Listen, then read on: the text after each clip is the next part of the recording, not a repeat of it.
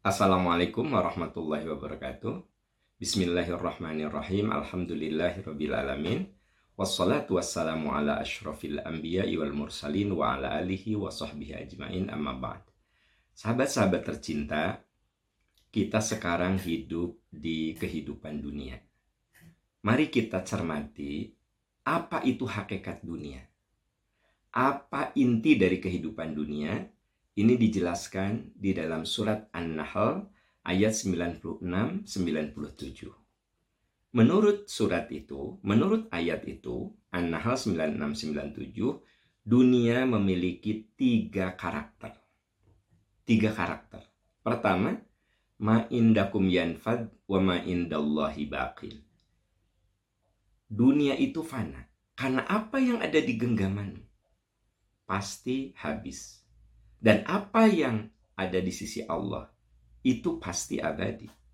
Ma indakum yang ada di genggamanmu itu yanfad, habis. Kulit yang mulus nanti keriput. Ya.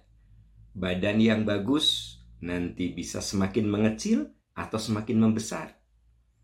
Daya ingat yang cerdas, hafalan yang kuat nanti lama-kelamaan dengan perjalanan waktu bisa saja mengalami kepikunan.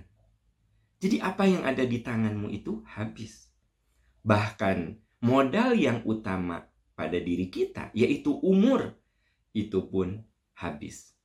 Jadi apa yang abadi? Tidak ada yang abadi pada diri kita.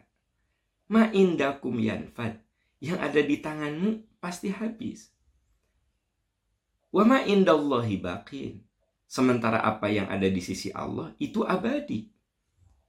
Oleh sebab itu, orang yang cerdas, dia berusaha menggunakan yang fana yang ada pada dirinya itu untuk menyimpan keabadian.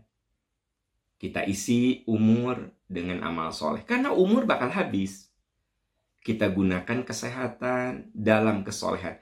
Karena kesehatan juga bakal habis kalau kita punya rezeki, kita sedekah, kita infak, kita zakat, kita wakaf. Karena itu juga bakal habis. Ma indakum yanfad. Dan apa yang ada di sisi Allah, wa ma indallahi baqi. Itu yang pertama, sahabat-sahabat tercinta. Sadari dunia itu fana. Tidak ada yang abadi. Satu saat dia akan hilang dari genggaman kita. Yang kedua, walanazziyanna alladhina sabaru bi ahsani ma kanu yamalun pasti akan memberikan balasan yang terbaik atas apa yang mereka perbuat. Allah akan memberikan balasan terbaik atas orang-orang sabar. Ini isyarat apa? Dunia itu ujian. Jadi selama kita hidup di dunia, ujian demi ujian akan kita lewati. Dan menurut Al-Anbiya ayat 35, ujian itu tidak selamanya menyakitkan, bisa saja menyenangkan. Ada ujian kebaikan, ada ujian keburukan. Nabi Sulaiman, beliau bergelimang harta. Beliau bergelimang ilmu. Beliau bergelimang kedudukan. Apa kata beliau? Hadza min fadli rabbi. Ini karunia Tuhanku. Ashkuru am akfuru. Apakah aku berterima kasih ataukah aku bersyukur? Jadi Nabi Sulaiman mengajari kita sebuah pemahaman bahwa kesuksesan dunia itu sebenarnya ujian. Apalagi yang namanya penderitaan, itu jelas-jelas ujian nggak usah kita diskusikan lagi. Penderitaan itu ujian. Jadi selama kita hidup, kami akan mengujimu firman Allah bisyari wal khair. Wa nablukum bisyari wal khair. Kami akan mengujimu dengan kebaikan dan keburukan. Nah, pegang teguhlah apa yang dikatakan Rasul. Sungguh orang beriman itu hebat. In asobatu sar'u. Kalau dia ditimpa sesuatu yang menyenangkan, dia syukur. Kalau dia ditimpa sesuatu yang tidak menyenangkan, dia sabar. Nah hadirin, sahabat tercinta, itu karakter dunia yang kedua, yaitu tempat ujian. Dan karakter yang ketiga, sahabat-sahabat sekalian. Man amila solihan min zakarin au untha wa huwa mu'minun falanuhyiyannahu hayatan thayyibatan.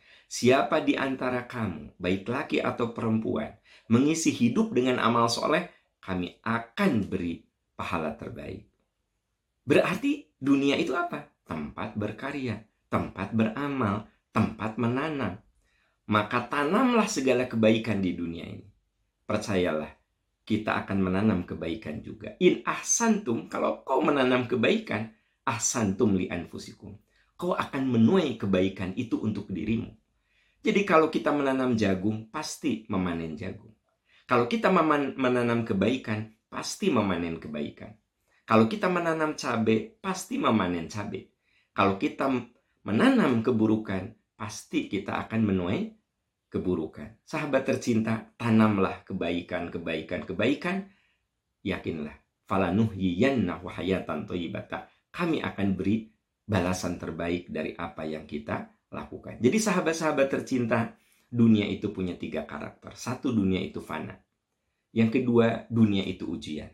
Yang ketiga, dunia itu tempat beramal. Semoga kita tidak terlena oleh dunia, tapi kita menjadikan dunia sebagai sarana untuk bekal akhirat.